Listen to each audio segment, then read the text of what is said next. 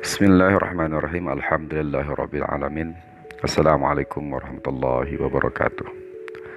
Kali ini saya ingin bicara tentang isim domir atau kata ganti. Dalam bahasa Indonesia kata ganti Pembicara dinamakan orang pertama Lawan bicara dinamakan orang kedua Dan objek pembicara dinamakan orang ketiga Agar lebih mudah dalam mempelajari isim domir atau kata ganti dalam bahasa Arab, maka kita akan mulai menerangkan dari orang ketiga, orang kedua, dan terakhir orang pertama. Langkah pertama yang harus kita lakukan adalah memulai memahami istilah dan penamaan masing-masing. Orang ketiga dinamakan gaib, gaibah Gaib untuk laki-laki, gaibah untuk perempuan. Orang kedua dinamakan mukhotob, mukhotobah. Mukhotob untuk laki-laki, mukhotobah untuk perempuan. Orang pertama dinamakan mutakallim wahdah, mutakallim ma'al ghair.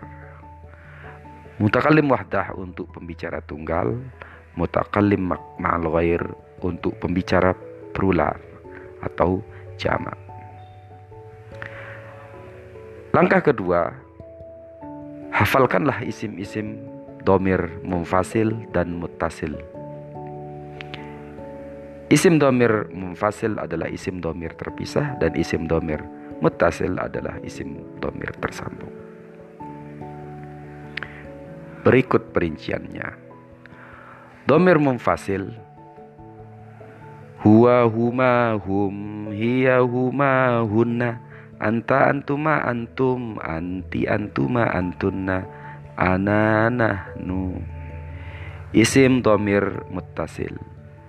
Huhuma hum hahuma hunna kakuma kum kikuma kunna ya na. Langkah ketiga adalah memahami pembagian isim domir sesuai dengan jumlah dan jenis kelaminnya. Dalam metode mujaz untuk mempelajari isim domir, isim asya, isyarah dan isim mausul, alamat i'rab, isim dan fi'il, kita selalu menggunakan ruas jari tangan kiri untuk mempermudah memahaminya. Yang akan kami jelaskan dalam tutorial rumus jari sakti pada tutorial yang lain. Demikian Semoga bermanfaat. Assalamualaikum warahmatullahi wabarakatuh.